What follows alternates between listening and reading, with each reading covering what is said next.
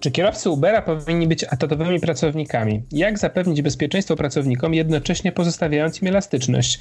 O tym podyskutujemy w dzisiejszym odcinku Cyfrowego Pojutrze. Cieniu wyborów na prezydenta kraju w Stanach Zjednoczonych odbywają się też inne ważne głosowania. To oczywiście wybór parlamentarzystów do Izby Reprezentantów, do Senatu, to wybór gubernatorów, ale także referenda stanowe. I dziś przyjrzymy się niezwykle ważnemu dla sfery cyfrowej wynikowi referendum w Kalifornii dotyczącemu poprawki numer 22.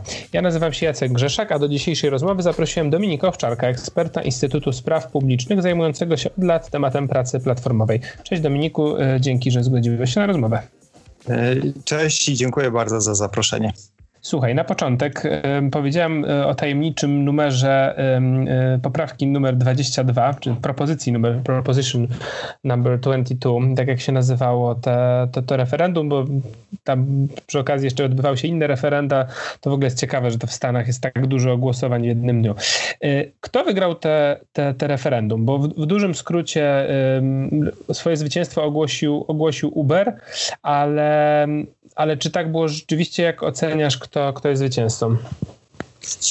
Y, no jednak mimo wszystko y, chyba y, zwycięzcą oka okazali się pracownicy, prawda? No bo to jednak Uber jest zobowiązany obecnie do tego, żeby traktować swoich kierowców jako pracowników, więc wydaje się, że to jednak pracownicy, pracownicy tutaj wygrali. No tak, ale powiedzmy, powiedzmy może w skrócie o, o, o co chodziło w tej, w, tej, e, w tej propozycji numer 22. Chodziło o przepisy dotyczące, dotyczące zatrudniania pracowników platformowych. Ten Uber jest takim największym, to chyba największa grupa pracowników i najbardziej, naj, najbardziej symboliczna grupa, ale chodzi tu o szerzej rozumianych pracowników w ramach gig economy, e, którzy się zatrudniają przez aplikacje. E, I głosowanie, może przeczytam, jak jest opis na, na stronie w, dla wyborców kalifornijskich oficjalnej, głosowanie za tą, za, tą, za tą propozycją oznaczało, że e, model E, model zatrudniania aplikacyjnego, który stosował do tej pory Uber i inne aplikacje, może być utrzymany e, mimo wyroków sądowych, które właśnie wskazywały na, na konieczność zatrudnienia tych pracowników e, jako pracowników etatowych. Natomiast z kolei, mimo tego, że oni mogą być dalej nie pracownikami etatowymi, to jednocześnie głosujący za tą poprawką poparli też pakiet benefitów, tak zwanych, jak się mówi z angielskiego, czyli pewnego pakietu zabezpieczenia socjalnego, który nie jest umową o pracę, ale jednak wychodzi ponad ten dotychczasowy, dotychczasowy model. Czy to miałeś na myśli, mówiąc o, o zwycięstwie pracowników? E, tak, no rzeczywiście tutaj jest, e, jest sytuacja e, nieco bardziej złożona, dlatego że prawodawstwo kalifornijskie wcześniej chciało uznać wszystkich pracowników, pracowników platformowych i w tym przede wszystkim pracowników Ubera za tych, którzy powinni być objęci umową o pracę. Natomiast to referendum nieco niuansuje całą sytuację. Ono tutaj mamy do czynienia z taką sytuacją, w której e, ci kierowcy Ubera e, mogą pozostać pracownikami e, kontraktowymi, tak jak chciałby to Uber, czyli nie, nie obowiązku nałożenia umowy o pracę w przypadku tej grupy.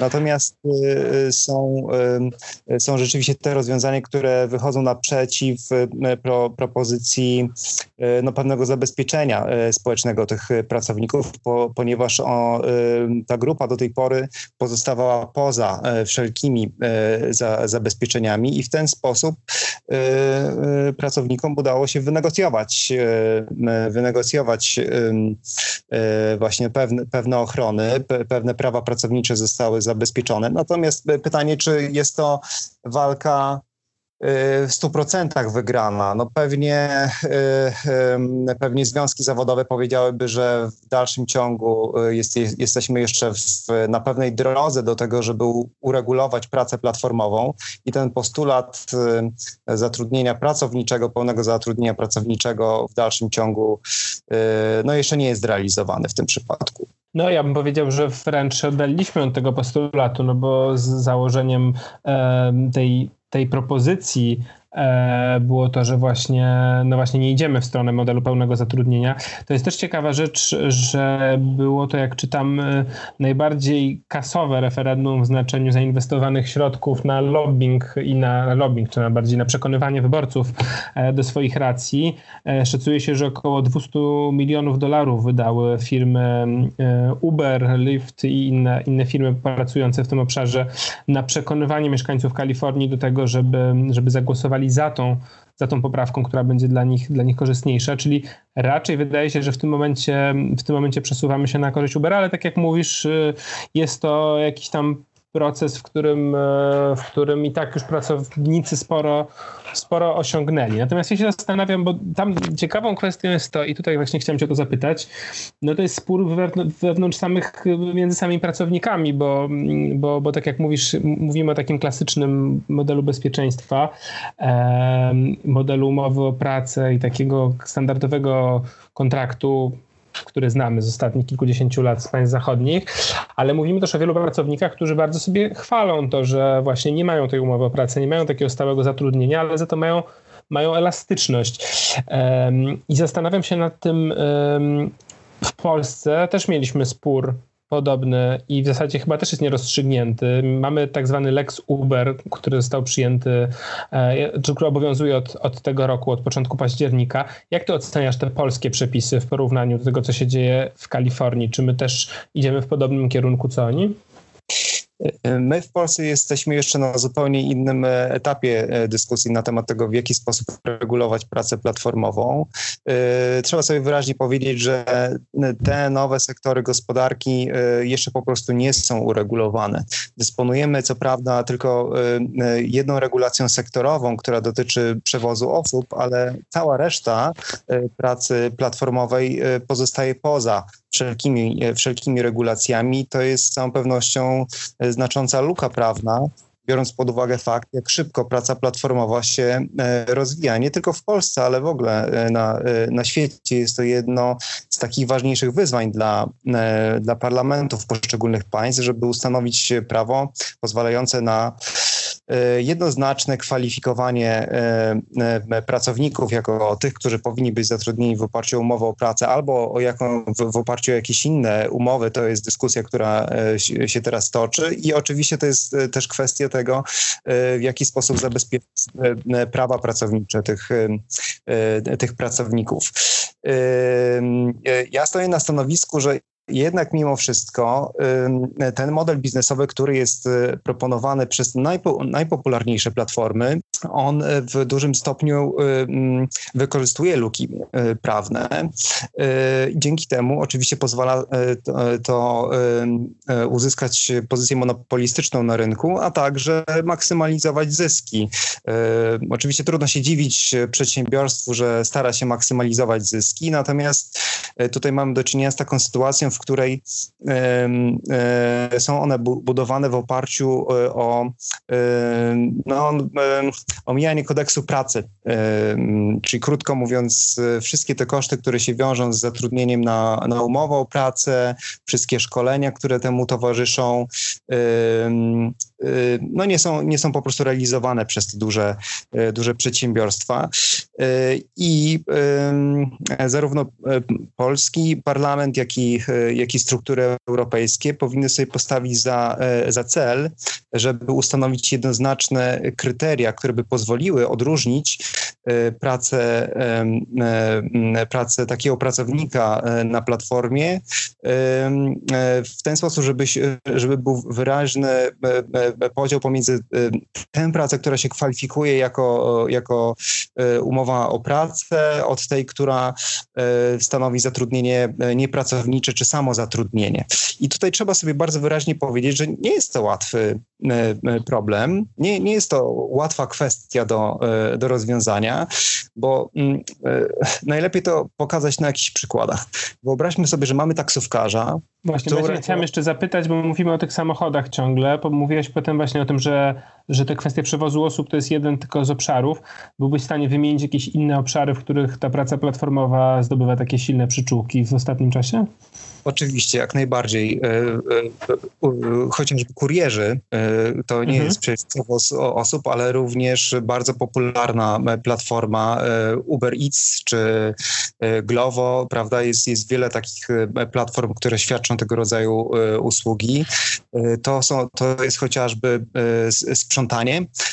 Można mhm można wykupić sobie taką usługę sprzątania przez, przez platformę, ale również to są różnego rodzaju y, prace kognitywne, czyli na przykład katalogowanie zdjęć, y, transkrybowanie wywiadów, y, wykonywanie różnych prostych elementów programowania, czyli praca programistyczna dystrybuowana przez, przez MTarg. Tutaj to, to jest taka praca, która daleko przekracza podział sektorowy, prawda? Więc z całą pewnością e, pracy platformowej nie powinniśmy wyłącznie ograniczać do, mm, do tej emblematycznej dla, e, dla, dla, dla tego typu działalności gospodarczej firmy, czyli do, do Ubera. Z całą pewnością nie. Mamy tutaj do czynienia z bardzo różnymi typami usług, które coraz częściej są po prostu outsourcowane przez duże przedsiębiorstwa na zewnątrz, dlatego że dzięki temu e, e, uzyskuje się przewagę e, konkurencyjną poprzez obniżanie ceny. No właśnie, bo to jest, to jest, to jest ciekawe w ogóle, co powiedziałeś. Tutaj chyba takim innym emblematycznym przykładem, mówimy o Uberze, in, innym emblematycznym przykładem jest Mechanical Turk, który nawiązuje, co też jest taką pewną, pewną, pewną ironią, Amazon z tą platformą, która właśnie jest jedną z takich platform umożliwiających pracę platformową w bardzo różnych obszarach. On nawiązuje do, do mitycz, mitycznej figury mechanicznego Turka, pierwszego protoplasty robotów, który, który był w, e, miał być taką właśnie machiną e, automatyczną, automatycznie sterowaną, okazał się tak naprawdę oczywiście u, u, udawanym e, występem ludzkim człowieka, który był ukryty w tej maszynie. I tak samo na, na, tych, na, tym, na tym założeniu opiera się Mechanical Turk, który oferuje takiego robota do pracy, który, a tym robotem są tak naprawdę pracownicy, którzy, którzy tam po cichu, po cichu wykonują tą pracę. Więc, więc mówimy o, o, o, bardzo różnych obszarach i mówiłeś o tym, o tym napięciu. Jestem ciekaw, bo to jest chyba rzeczywiście dookoła tego cała ta rozmowa się, się toczy. To znaczy, to jest to napięcie pomiędzy z jednej strony tą potrzebą zapewnienia podstawowego bezpieczeństwa dla tych pracowników, którzy, którzy, no, którzy zarabiając w ten sposób na życie nie są pewni jutra, ale z drugiej strony tą potrzebą, która rozumiem, motywuje tych pracowników do tego, tej elastyczności większej niż, niż to było do tej pory. Jak rozumiem, jest to bardzo trudne do, do pogodzenia. E, tak, z całą pewnością to jest e, sedno całej tej, e, tej dyskusji. Pracownicy, zresztą podobnie jak i pracodawcy, od, od, od wielu już lat coraz częściej oczekują wzajemnie od siebie elastyczności. To jest związane trochę z, ze zmianą stylu życia. Mam na myśli oczywiście trzonowe gospodarki zachodnie, rozwinięte gospodarki. No, Polska powoli do, dołącza do, do grona tych, tych gospodarek. Więc zmiana stylu życia, e, ale także i e, możliwości technologiczne coraz bardziej umożliwiają e, taką elastyczną pracę z E, dowolnego miejsca na świecie i w dowolnej porze. E, teraz łącząc się przez internet jesteśmy w stanie wykonywać e, niemal każdą pracę kognitywną na, na świecie. Oczywiście z zupełnie inną sytuacją mamy do czynienia, kiedy mówimy o pracy, gdzie obecność fizyczna jest niezbędna, prawda? Budownictwo, praca dozorcy, praca hydraulika, praca osoby, która wywozi śmieci, prawda? To, to są innego rodzaju rodzaju pracy, więc tutaj raczej mówimy o takich e, zajęciach, które się wiążą z e, albo z pracami ko kognitywnymi, albo takimi, które e, są łatwo przesuwalne, jak na przykład właśnie praca taksówkarska lub, lub praca kurierska. One nie, nie muszą odbywać się konkretnie w wyznaczonych godzinach. Pracownicy coraz częściej oczekują takiej elastyczności, ponieważ mają swoje życie, mają swoje rodziny, chcą dostosować wzajemnie do siebie swoje, swoje obowiązki związane z pracą i z, i z rodziną. I, technologia to, to rzeczywiście umożliwia. Wydaje się, że praca platformowa, kiedy wchodziła do, do gospodarek światowych, wydawało się, że to, to jest właściwa odpowiedź, prawda, na, na, na tego rodzaju potrzeby. Ale z drugiej strony okazało się, że te platformy nie, nie oferują większości zabezpieczenia społecznego, nie, nie, nie oferują stabilności zatrudnienia. Są to zlecenia jednokrotne albo wiele zleceń powtarzalnych, drobnych, które są bardzo zależne od koniunktury. Chociażby pandemia koronawirusa sprawiła, że przewozów taksówkarskich jest zdecydowanie mniej, ale z drugiej strony na przykład przewozów kurierskich jest zdecydowanie więcej, więc jak widać ta praca jest bardzo podatna na, na, na sytuację gospodarczą i to rodzi pytanie, E, jak, jak poradzić sobie z, ze stabilizowaniem swojego budżetu e, domowego, e, pracując w ten sposób. No i oczywiście wszystkie zabezpieczenia socjalne, mam tutaj na, na myśli ubezpieczenie emerytalne, rentowe, mam na myśli również ubezpieczenie chorobowe, którego pochodną jest chociażby urlop macierzyński, który jest, jest niezwykle ważną kwestią. Więc no, wiele z tych, z tych elementów, które przed momentem wymieniłem, znajdują się daleko poza tym zakresem benefitów, jeśli mogę użyć tego słowa, które platformy są skłonne obecnie oferować.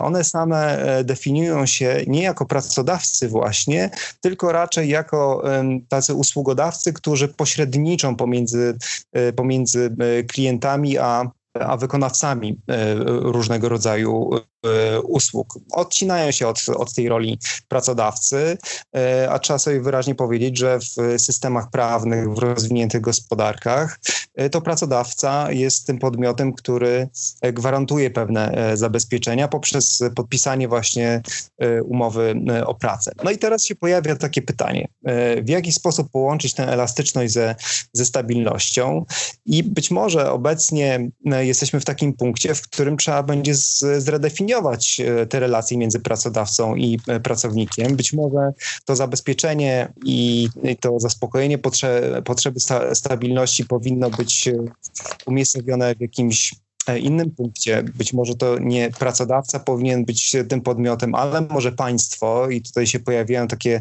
rozwiązania jak chociażby e, dochód gwarantowany, prawda, e, czyli taki, mm -hmm. taki instrument, który jest zewnętrzny względem pracodawców, a jednocześnie realizuje część tych zabezpieczeń socjalnych, o których mówiliśmy, uwalnia pracodawcę, realizuje, realizuje potrzebę elastyczności dla pracodawcy i dla e, dla pracownika. Więc to jest jeden e, ze sposobów rozwiązania e, tego, tego problemu, ale wydaje się, że dyskusja obecnie jeszcze trwa i jesteśmy jeszcze bardzo, bardzo dalece od tego, żeby, żeby, żeby nowy porządek się ukonstytuował. Obecnie związki zawodowe, czy to krajowe, czy, czy europejskie, zresztą podobnie w Stanach Zjednoczonych, raczej dążą do tego, żeby żeby rozciągnąć dotychczasowe zabezpieczenie społeczne z pracowników zatrudnionych w oparciu o umowę o pracę, także na te nowe sektory, na pracę platformową. I, i to, jest ta główna oś walki, która jest obecnie to, toczona w poszczególnych krajach i, i, i w Unii Europejskiej. I Jak to się skończy, to zobaczymy. I tu właśnie jest ciekawe, zatoczyliśmy koło w, w tej części naszej rozmowy, bo, bo to, o czym powiedziałeś, to wracamy do tej poprawki, znaczy do tego referendum kalifornijskiego, które właśnie zablokowało taką możliwość po prostu włączenia tych pracowników platformowych po prostu w te reguły umowy o pracy dotychczasowej bo wydawało się, że to oczywiście w tą stronę tam idzie. Natomiast ostatecznie większość wyborców, to też oczywiście dodajmy, tak jak mówiłem, tam było znacznie większe pieniądze były włożone w lobbowanie za tym, żeby, żeby na, na głosy tak za tą poprawką, a przewaga nie była znacząca, bo to było 50 tam bodajże 7% za 43% przeciw, więc rzeczywiście społeczeństwo Kalifornii jest w tym względzie podzielone. No ale, ale, ale nie udało się tego, tego, tego dopasować. Ja mam takie skojarzenie, bo to było ciekawe, co mówiłeś, jak chodzi o ten dochód podstawowy i, e, i o to, kto ma obejmować tą ochroną i zapewniać bezpieczeństwo takie podstawowe e, pracownikom. I tutaj ciekawą perspektywę daje, daje Bank Światowy, który w zeszłym roku w, w, w raporcie World, World Development Report, um, który był poświęcony w całości właśnie um, rynkowi pracy i zmieniającej się w ogóle naturze um, tego rynku i pracy. On zwraca uwagę na załamanie się pewnego trendu, który się utrzymywał przez ostatnich kilka dekad, trendu globalnego związanego z, formalizowaniem pracy, to znaczy o ile świat zachodni zna te umowy o pracę już od od 100 lat i, e, i one stanowią taki no, no podstawowy punkt właśnie z, z zabezpieczenia społecznego. To też ciekawie bardzo widać teraz w trakcie COVID-u, kiedy, kiedy państwa zachodniej Europy bardzo e, starają się działać na rzecz utrzymania zatrudnienia i to jest jakby jeden z podstawowych antykryzysowych działań, to jest to, żeby pracownicy byli zatrudnieni i otrzymywali e, pensje i, i otrzymywali cały ten pakiet, cały ten pakiet bezpieczeństwa od pracodawców. Natomiast Bank, Bank Światowy zwraca uwagę na, na pewien globalny trend załamania załamania się tego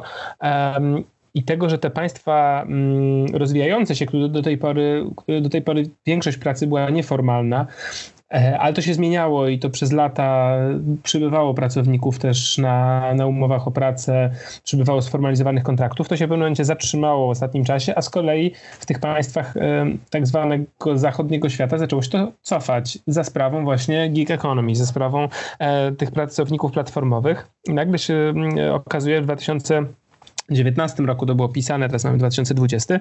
E, tak naprawdę nie jest jasne, czy faktycznie ten model umowy o pracę jest tym modelem, do którego chcemy globalnie, globalnie ciągnąć i być może jest to jakiś model, który zafunkcjonował dobrze w XX wieku, ale w XXI wieku nie będzie, nie będzie dobrze funkcjonował. Ale e, jakby, jakby mieliśmy ten wątek e, dochodu podstawowego, tu, tu może go byśmy zostawili z boku. Ja jestem ciekaw, jak te modele pracy platformowej funkcjonują obecnie przy różnych reżimach prawnych i różnych też kulturach pracowniczych, bo na przykład ja zacząłem się zastanawiać nad tym krajami, które, które słyną z połączenia właśnie takiego dosyć skutecznego łączenia elastyczności i bezpieczeństwa, to mi się kojarzy Skandynawia od razu, to znaczy system, w którym e, można zwolnić pracownika, ale ten pracownik otrzymuje bardzo wysokie zasiłek dla bezrobotnych.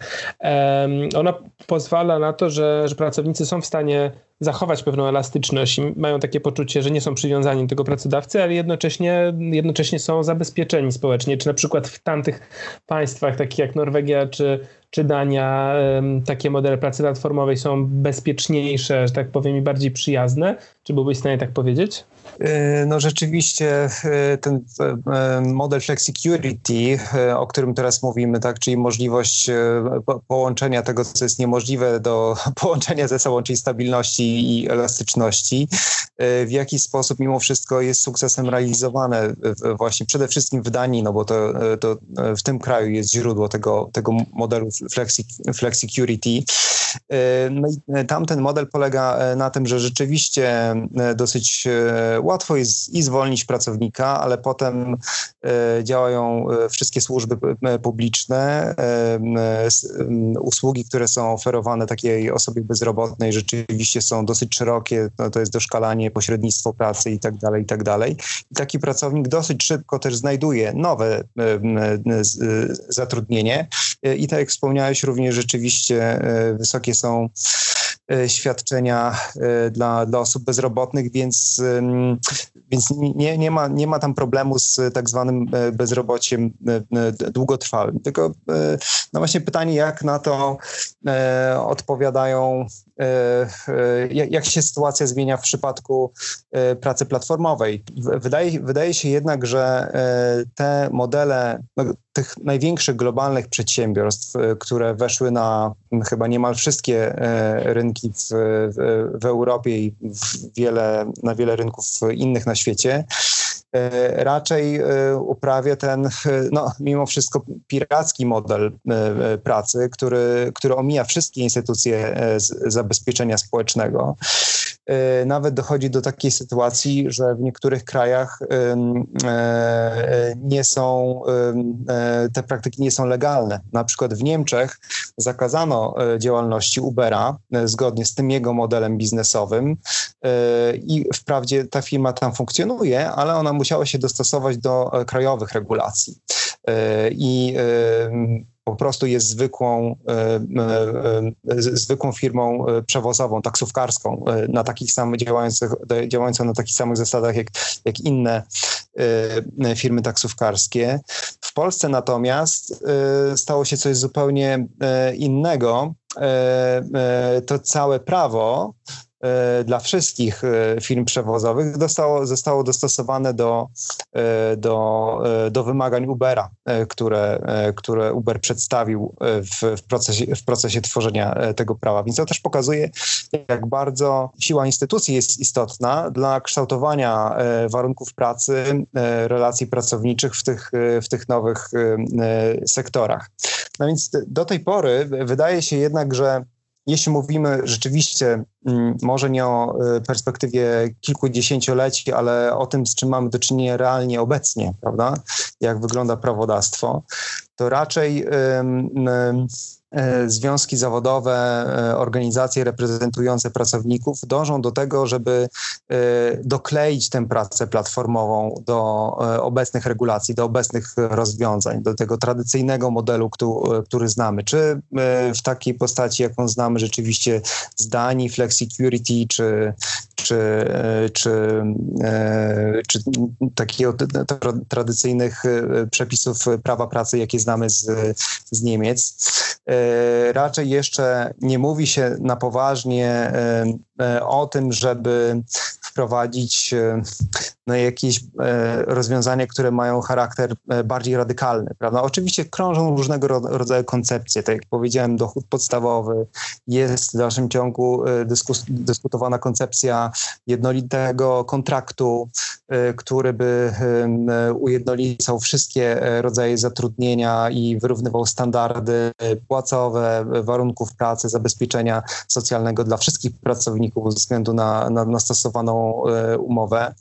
Jeśli e, mówimy też o o kształcie w ogóle reżimów zabezpieczenia e, społecznego, polityki społecznej, to jeszcze jest ta idea pełnego zatrudnienia prawda? To jest mhm. kolejny, kolejny pomysł, który się e, pojawił jakiś czas temu, który polega na tym, że po prostu e, dążymy do tego, żeby każdy, kto tylko wykazuje taką chęć, e, mógł gdzieś pracować przy utrzymaniu jakichś minimalnych E, minimalnych standardów e, płacowych i oczywiście... Ale to już jest taka jak najbardziej klasyczna, dwudziestowieczna, a wręcz te testowana w, w, w, państwach socjalistycznych e, metoda, więc tutaj ciężko mówić o, o odróżnieniu od dochodu podstawowego, który jest takim, takim ciągle wydawałoby się w przyszłości elementem, takim, taką rzeczą futurystyczną. Ale to ja jeszcze chciałem cię zapytać o, o jedną rzecz, bo zbliżam się do końca tej rozmowy, a mam wrażenie, nie odpowiedzieliśmy sobie na podstawowe pytanie, które, które, które warto zadać zadać przy, przy, przy Uberze. Czy w ogóle, no bo historia Ubera to jest historia tego sharing economy, tej historii sprzedanej o tym, że e, będą się podwodzić, podwodzić nawzajem ludzie, ktoś będzie wracał do domu i będzie miał godzinę czasu, to podwiezie kogoś samochodem, ktoś ma wolne mieszkanie, bo gdzieś wyjeżdża na weekend, to na innej platformie wynajmie przez ten weekend i tak dalej, i tak dalej. No to była ta, ta narracja sprzed kilkunastu lat. Można powiedzieć, że rzeczywistość się kompletnie z tym rozjechała, bo, bo się okazuje, że potem mieszkania, które są na wynajem, są mieszkaniami przez, wynajmowanymi przez deweloperów, że, że te usługi przewozowe to są usługi oso przez osoby, które na stałe pracują jako taksówkarze.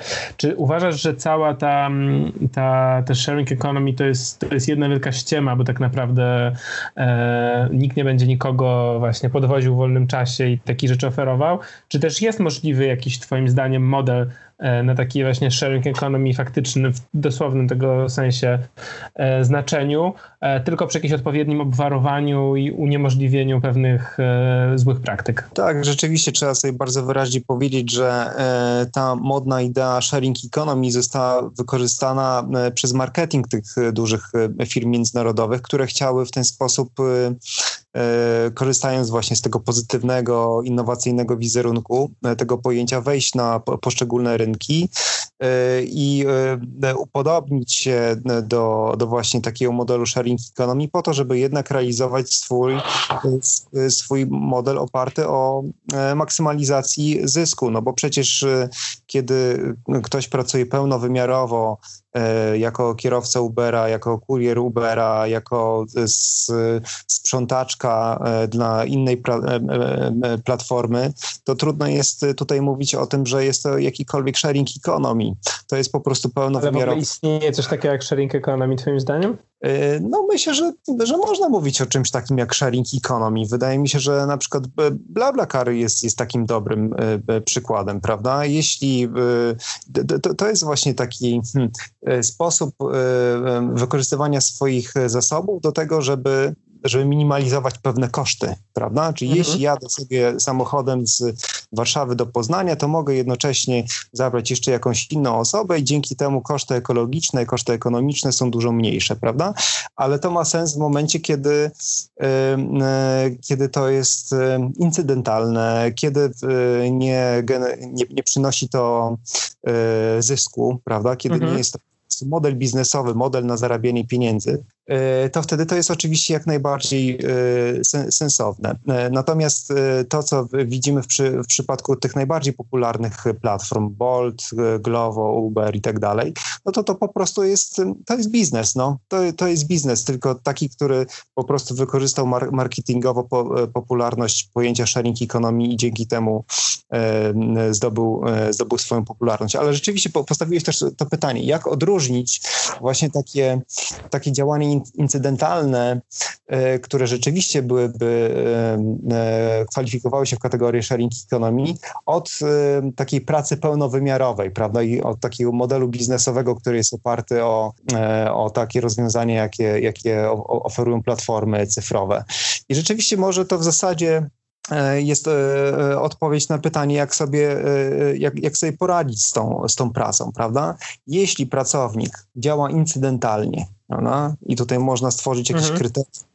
I oczywiście to jest kwestia arbitralna. Tutaj możemy się spierać. I co, co to znaczy, że ktoś pracuje incydentalnie, prawda? E, czy to jest e, pięć przewozów w ciągu tygodnia, czy jeden w ciągu tygodnia, czy jeden w ciągu miesiąca? No tutaj trzeba byłoby się e, zastanowić. To jest jakiś taki przedmiot negocjacji pomiędzy e, e platformami a e, pewnie światem pracy. E, ale pewnie jakąś granicę można by było e, usta ustanowić, potem ewentualnie ją korygować. Natomiast jeśli e, ktoś świadczy tych usług więcej niż ponad ten ustalony próg, no to wtedy uznajemy, że taka osoba to jest po prostu pracownik, a platforma to pracodawca i powinien też realizować wszystkie obowiązki, które z tego wynikają. Czyli mamy tutaj umowę o pracę, szkolenia BHP, minimalna płaca, E, e, stosowanie też prze, e, przepisów BHP, bo w przypadku na przykład kurierów to jest niezwykle istotne, prawda? Praca podczas upałów albo podczas mhm. mrozów na, na zewnątrz to, to, to nie jest bagatelna sprawa. Ktoś musi zabezpieczać warunki pracy takich osób w, w trudnych warunkach. Jeśli udałoby się nam wynegocjować w, w takiej debacie publicznej pomiędzy partnerami społecznymi, pomiędzy przedstawicielami organizacji pracodawców zrzeszających platformy cyfrowe, a z drugiej strony organizacjami zrzeszającymi pracowników, czyli krótko mówiąc związki zawodowe, to wydaje mi się, że to byłaby odpowiedź na to, jak obecnie, na teraz moglibyśmy e, uregulować tę pracę. E, natomiast jeśli chcemy mówić o perspektywie kilku dekad e, i o takiej strukturalnej zmianie na rynku pracy i przypisaniu tych obowiązków związanych z zabezpieczeniem społecznym komu innemu niż pracodawcy, czyli na przykład państwu w postaci dochodu podstawowego, no to to jest oczywiście to jest debata, która powinna być dużo głębsza, angażować przedstawicieli e, no tak naprawdę ze wszystkich sektorów gospodarki, dlatego że była to, byłaby to zmiana dotycząca całego reżimu polityki e, społecznej e, i niewątpliwie nie jest to zmiana, którą można wprowadzić ustawą w prosty sposób.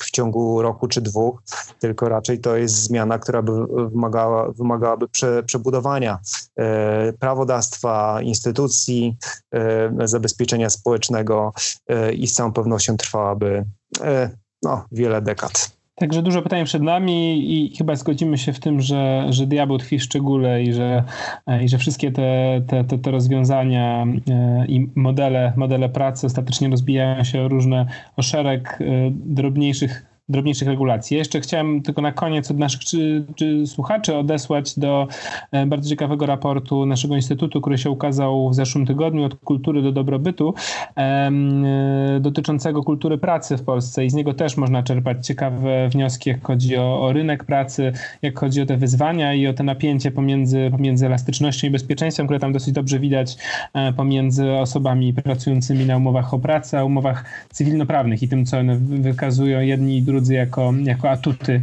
atuty ich pracy. Ale na to dzisiaj nie mamy czasu, także odsyłam do raportu. A Tobie, Dominiku, bardzo dziękuję za wspólną rozmowę i słyszymy się za dwa tygodnie. Dziękuję również.